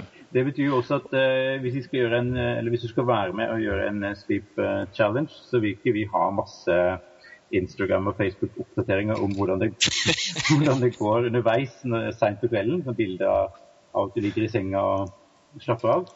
Um, vil egentlig ikke høre noen ting om det før, før på dagen. Helt klart. Helt klart. Uh, så ja, det, det, det, er et helt glimrende tips. Ja, altså, liksom melde seg litt ut av den digitale verden på slutten. Ja. Uh, og det som jeg òg prøver å gjøre, det er vanskelig, men når jeg står opp neste dag, at jeg lar være å ta på telefonen igjen før jeg er rett og slett ferdig med morgenrutinene. Når jeg har lagd kaffe, lagd frokost, ungene kanskje sendt de av gårde, tatt litt tid på, på formrolleren, stått litt på hendene og liksom forberedt meg mentalt for dagen. Da kan jeg skru på flight mode, og da hagler det inn med mail og forskjellig. Mm. Eh, men da har jeg iallfall fått gjort det som jeg eh, syns er viktig for at jeg skal få en, god start på dagen. Om med en gang det begynner å hagle inn med mail, så, så, begynner prosessene. sant? Du begynner å tenke fagene jeg må svare på det, og ja, ja. ditt og datt. Du må gjøre det før jeg egentlig skal gjøre noe av det andre som jeg har planlagt. Og det betyr kort og godt at du prioriterer andre sine ønsker før dine egne. Og det går utover effektiviteten. Ja, gjør det. Og I tillegg så er det, det er et stressmoment. Og, så, så, og det er ikke noe vits i å utsette seg for det stressmomentet før man må. Helt klart. Og det er bare å vente. Altså, mailen kommer, den. Ja, ja, ja. Det, du går ikke glipp av noe. Så, men det, det, er vanskelig. altså. Det, jeg har en, eh, en, stor trang til å sjekke ting og tang altså når jeg våkner om morgenen. Har det skjedd noe i løpet av natta? ja, ja. Det kan ikke vente en time til. ja, all forståelse for det, altså. Eh, og det er, det er vaner, og det, og det, kan være vanskelig å, å endre på, men, eh, men, det er verdt å hvert fall være bevisst og kanskje gjøre et, eh, et forsøk på, på ja, um, ja. på et litt mer avbalansert forhold til det.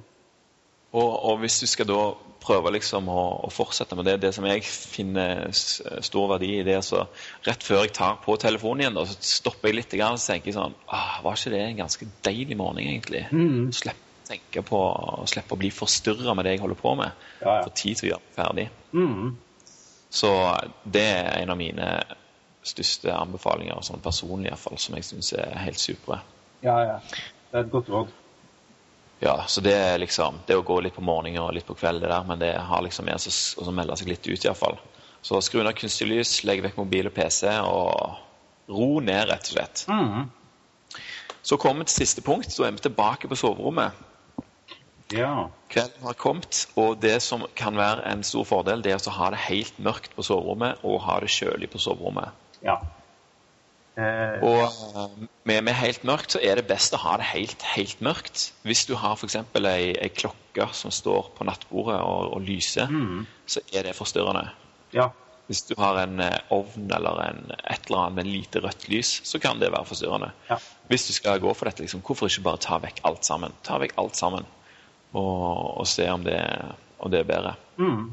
Eh, lyskilde, alle lyskilder på soverom bør, bør egentlig ut. Og dekke ordentlig til vinduer um, så det er mørkt. Nå er det klart nå Om vinteren i Norge så er ikke det noe stort problem. Men um, om sommeren f.eks., når det er, det, er, det er, lyst, det er veldig lyst hele tida, også om natta, så, så, kan det hjelpe veldig å, å dekke helt ut, sånn at uh, kroppen i hvert fall får følelse av en ordentlig natt og en, ordentlig, en ordentlig døgnrytme.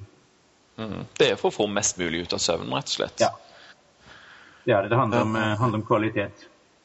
Ja, og så er det dette her med, med, med, temperatur på rommet. Det har vi jo allerede snakket om litt. At det, det kan være lurt å ha litt kjølig, sånn at kropp, kroppstemperaturen rett og slett får senke seg. Eh, og at det skal hjelpe på, på innsovinga. Så det er vel rundt 18 grader som blir eh, anbefalt, er det ikke det? Jo, det er jo noen sånne anbefalinger på det. Um, men det tror jeg man skal være veldig altså det, det kommer selvfølgelig an på alt fra din egen metabolisme til tjukkelsen på dyna di. Og, på, om du har du pyjamas eller ei? Om du har pyjamas, hva, hva pyjamasen er laga, om du ligger i en eh, om du har ull der eller bomull. Sånne ting. Det, det, er mye som spiller inn. Men uansett så bør det være sånn at, eh, at det er litt kjølig. At kroppen oppfatter det som litt kjølig, men at du, at du selvfølgelig ikke fryser. Men, eh, men, men, i hvert fall ikke ligger og er, er varm. Det, det, er ikke noe særlig. Ja. Helt klart. Og hvis du da har, har planlagt fra morgenen av med de rutinene du legger inn, med å drikke vann og alt dette her, få på lys, få pulsen, ikke drikk kaffe på dagen, unngå å trene for tungt sent på kvelden, ikke spis de siste to timene, skru ned kunstig lys, ha det mørkt og, og godt på rommet. Altså, da har du planlagt hele dagen at du skal få en god natt når du først skal legge deg. Mm. Og det er jo den syklusen vil jeg ha i gang. Sant? Altså bare repetere den gang på gang. Eh, da vil du ha en enorm, eh, enorm stor sjanse for å lykkes. Ja. Det, sånn som vi ser det, så er jo det i hvert fall en god oppskrift på suksess. Um, så finnes det andre småting man kan på en måte henge seg opp i òg, men dette, dette er det, det viktigste, eh, det som fremstår da, som, det, som det absolutt viktigste. Og, um, så det å, det å prøve disse syv punktene i en periode, det, det anbefaler vi virkelig mye. Ja, og det er det challenge går ut på, rett og slett. En måned med dette her fra, fra 15. februar. Nok, Eh, nok søvn, kvalitet sagt. på søvn. Mm. Ja, kvalitet på søvn, rett og slett. Se om du får mer ut av hverdagen din med dette her. Vi skal jo ha energi eh, i løpet av hele dagen. Det er fort eh, gjort å bli utslitt når det er sånn Det er jo et hektisk liv som regel. Så hvis vi kan dra store fordeler av å, å sove godt når vi først sover, så er jo det helt klart verdt det. Ja, ja, ja. Og som jeg sa i starten, søvn, søvn er så undervurdert. Eh, det første legen burde spørre deg når du går til legen, nesten uansett hva som er galt, er hva, hva du spiser, om du sover nok. Eh, og søvn påvirker til og med altså, bakteriekulturen din i magen, som, som igjen påvirker hva du tåler av mat og, og den delen. Så det, er- det, er helt, helt utrolig hvor, hvor viktig det er.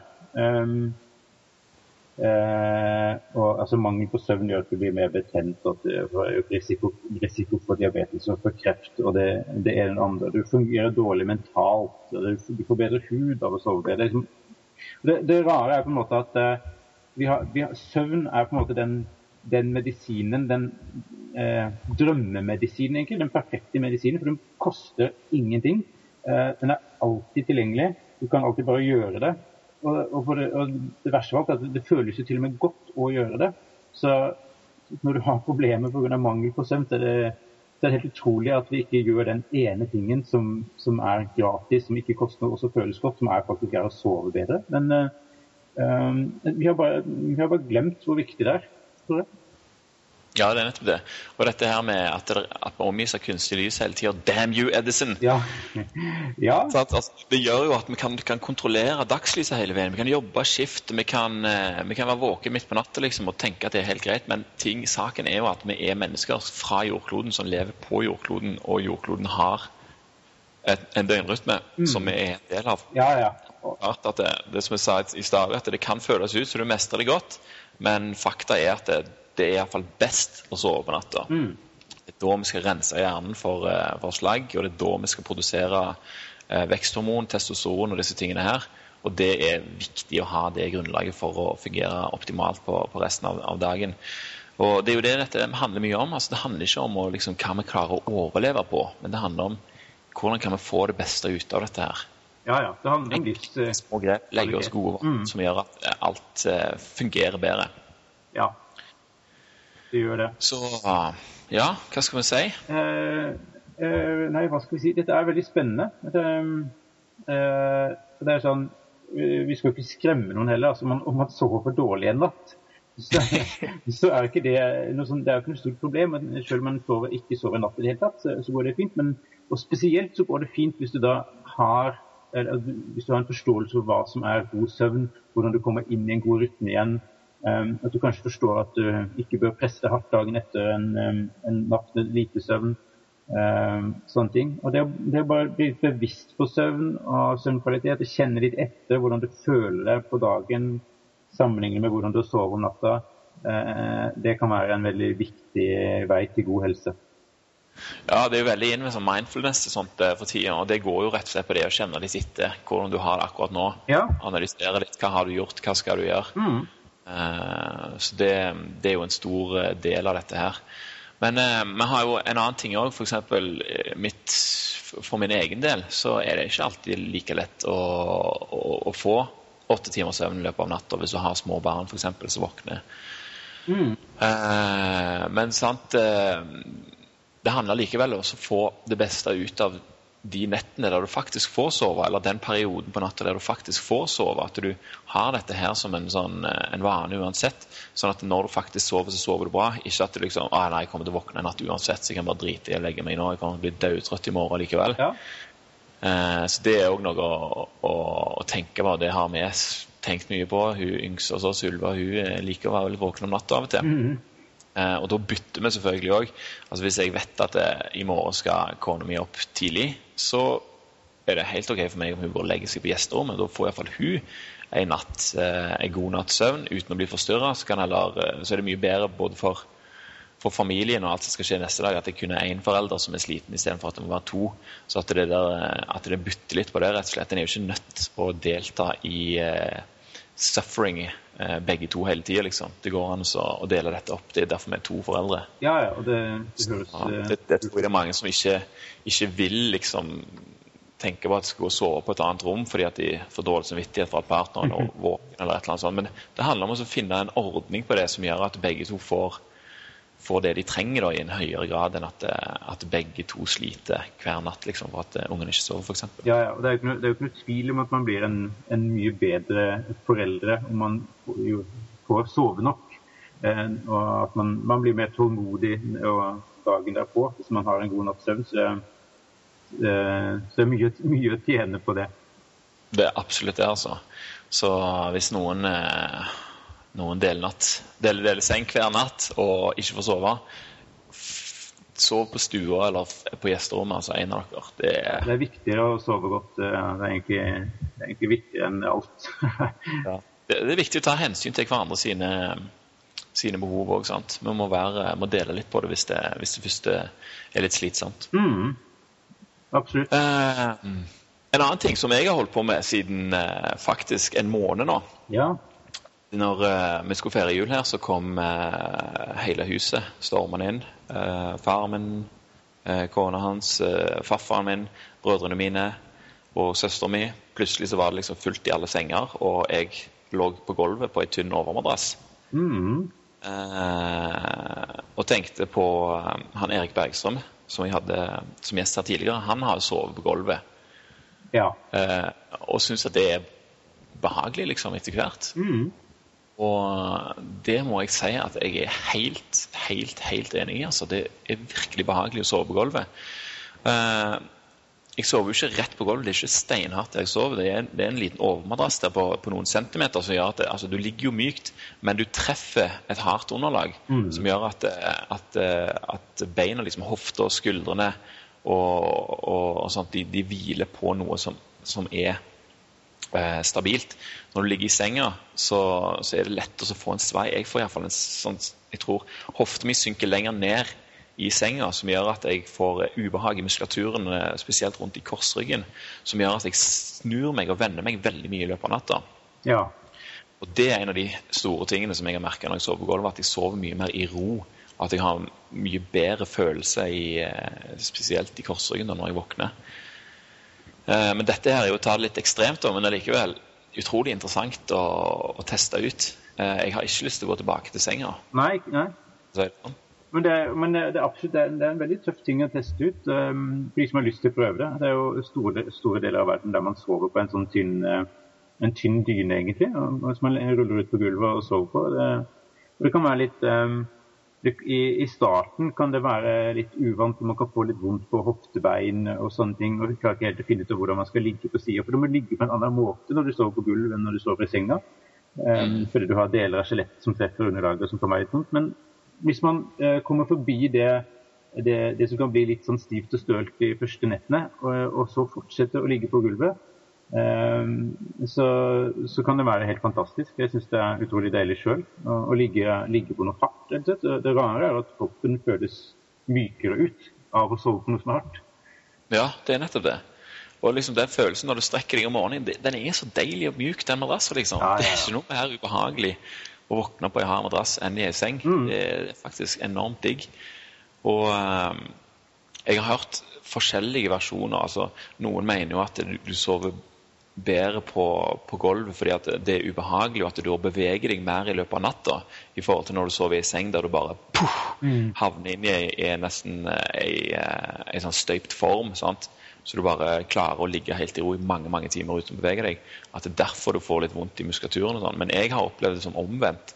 For jeg får større problemer med, med muskulaturen når jeg sover på noe veldig mykt, enn når jeg sover på noe veldig hardt. Så der òg er det liksom noe å, å, sjekke. Det er sikkert veldig individuelt, det òg.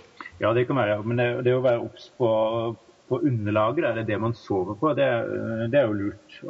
Hvis man, hvis man sover dårlig fordi man ligger på en for hard eller for myk madrass, så, så gjør noe med det. For mm. all del. Men, men, gjerne test og ulike ting. Test å sove på gulvet hvis du vil sjekke det. Uh, ja. Det gjør nok ingenting. Jeg, jeg, jeg har hatt god erfaring med å sove på sånn harde baderomsgulv eller gulv med, med varmegavler i. Og det er ekstra godt på en sånn tynn dyne oppå gulvet med, som det er litt varme i. Det er, og ja. det er fantastisk deilig. det er digg, altså. Ja, ja, um, hva var det jeg skulle si nå? Dette er, bare så vi kan understreke det, ikke en del av challengen. Men uh, hvis du har liksom lyst til å, å prøve deg på det, så, så, er det veldig gøy. Uh, en annen ting som jeg må nevne, er også at det, det, det, det største ubehaget jeg merka, det var jo at det ligger på skuldrene. sant? Mm. Og så faller hodet så langt ned. altså Du ligger liksom med hodet mye mer på skakke enn du gjorde før. Så jeg hadde liksom flere dyner til, nei, puter til å begynne med. Ja. sånn at det liksom var, jeg, Og så tok jeg de vekk litt etter litt, sånn at det ble gradvis tilvendt. liksom. Så nå har jeg bare tynn pute og sover ja, jeg sover vel da med hodet på skakke. Men jeg bruker òg mye, mye større grad armen mm. eh, til å ligge på. Ja. Eller hendene. sant? Altså Du legger de under hodet. Så, men det, det, er en vanlig sak. Ja, det, det er nok det. så det, det, er nok Derfor kan kanskje være litt, sånn, litt ubehagelig i starten for noen. Eh, og, så, og, så, går det faktisk over og blir bedre. Som du sier, at du, eh, du, blir, du venner deg til andre søvnstillinger med, med hode, armer og bein. og Kanskje du har mer godt av de stillingene enn, enn de du har i senga. Ja, og igjen så er det jo alltid det. Hvis du prøver det ut, og du, og du merker at det er bedre enn det det var før, hvorfor skal du da gå tilbake? Eh, ja, det er et godt spørsmål. Ja, det er liksom det. det er liksom, hvis du prøver det sånn Ja, jeg prøvde en gang å sove på gulvet. Det var dødsnice, men jeg sover i senga nå, liksom. Ja. Hvorfor det? det, det er det samme med, med kostholdet. Jeg hører folk som sier det. Jeg prøvde å spise sånn og sånn mat en periode. Jeg følte meg mye, mye bedre. Og så, og så slutta jeg bare. Så spør jeg hvorfor. Nei, det, det, er ofte bare sånn det blir. Ja, er sånn det blir. Hverdagen kommer og um, men uh, det er jo det som vi starter med uh, å si at uh, det, er det som er en god grunn til å teste ting ordentlig i en periode. for å få, få, gode erfaringer som du faktisk kan stole på, og, og ta, ta, noen gode valg ut ifra i etterkant. Mm. Og så er det dette her, altså Nå har vi jo snakket om ganske mye her på, på denne, denne, gode timen vi har snakket og så uh, fått litt informasjon. og sånn, og liksom, Jeg håper at folk blir litt nysgjerrige på dette. At de liksom kanskje går inn og sjekker f.eks. den TED-talken der og får, en, får liksom høre dette her fra en ekspert. Uh, og, og, sjekke litt rundt liksom, hva, hva, er de generelle tipsene liksom, rundt omkring. Uh, hvordan kan jeg få litt ut av dette? her? Vi skal bli litt interessert i søvn, håper jeg. Ja. mens vi holder på ja. dette her. Det er informasjon om hvordan ting virker som gjør det enklere for folk å, å endre vaner. Uh, så det handler om det, altså ta til seg eh, vitenskap hele tida ja. og, og, teste det ut. Absolutt, det gjør det. Og, og et, et, et, godt poeng i, i der som man snakker om å endre vaner, er at det er, eh, det er mye lettere å endre vaner hvis du er uthvilt og du sover godt. Du har et annet pågangsmot, rett og slett? Ja, du har det. Så det, det er kanskje søvnen man egentlig burde starte med.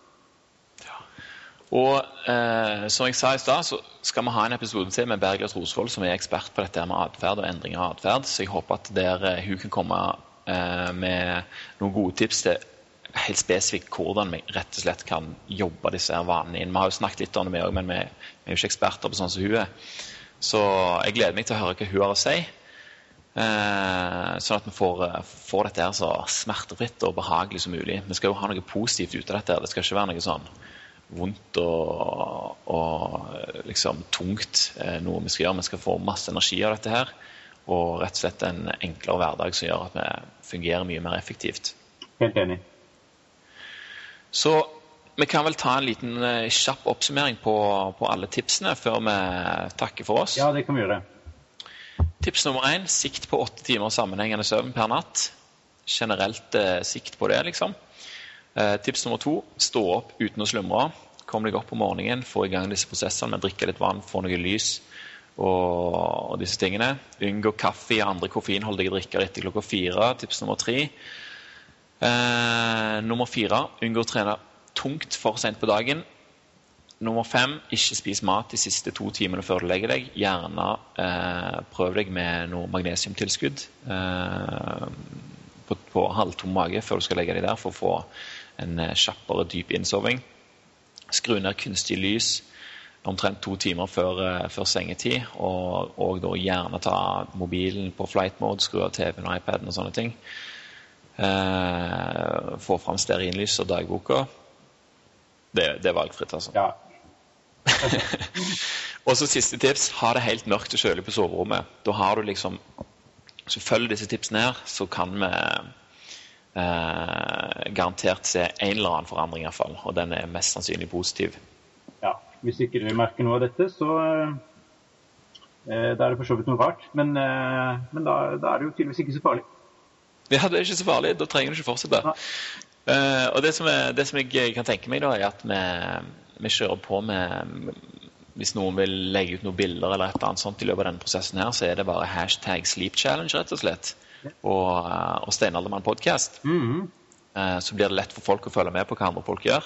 Gjerne komme med tips og erfaringer og sånne ting inn på kommentarer på, på både Facebook og, og på steinaldermann.no på de sida, eh, Pål. Mm -hmm. så, så, prøver vi å gjøre dette her litt som uh, open source, at alle får delta i hverandre sine erfaringer.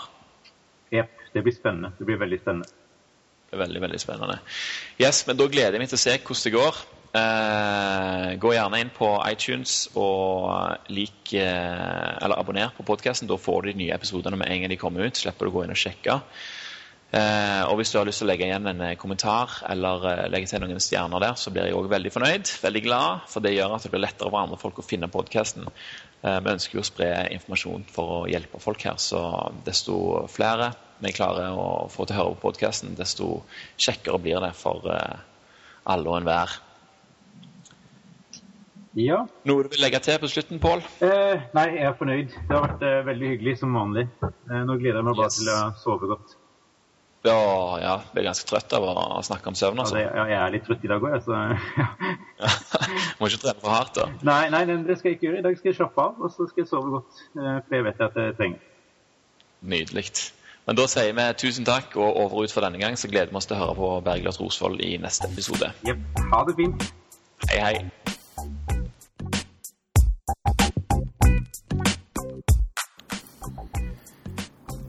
Tusen takk til alle som hørte på denne episoden. Som sagt, tagg gjerne Sleep Challenge og Steinaldermann podcast om du vil legge ut noen bilder på Instagram eller Facebook i forbindelse med dette her. Eh, sjekk òg ut steinaldermann.no for notater til denne episoden her. Tusen takk til sponsorer Lille Måne, forlaget Lille Måne og Helsemagasinet. Ikke glem deg å benytte deg av tilbud om ett års abonnement av Helsemagasinet til bare 400 kroner. Send e-post til bestilling at voff.no med navn, adresse, telefon og kodeord steinaldermann, eller en SMS til 2131.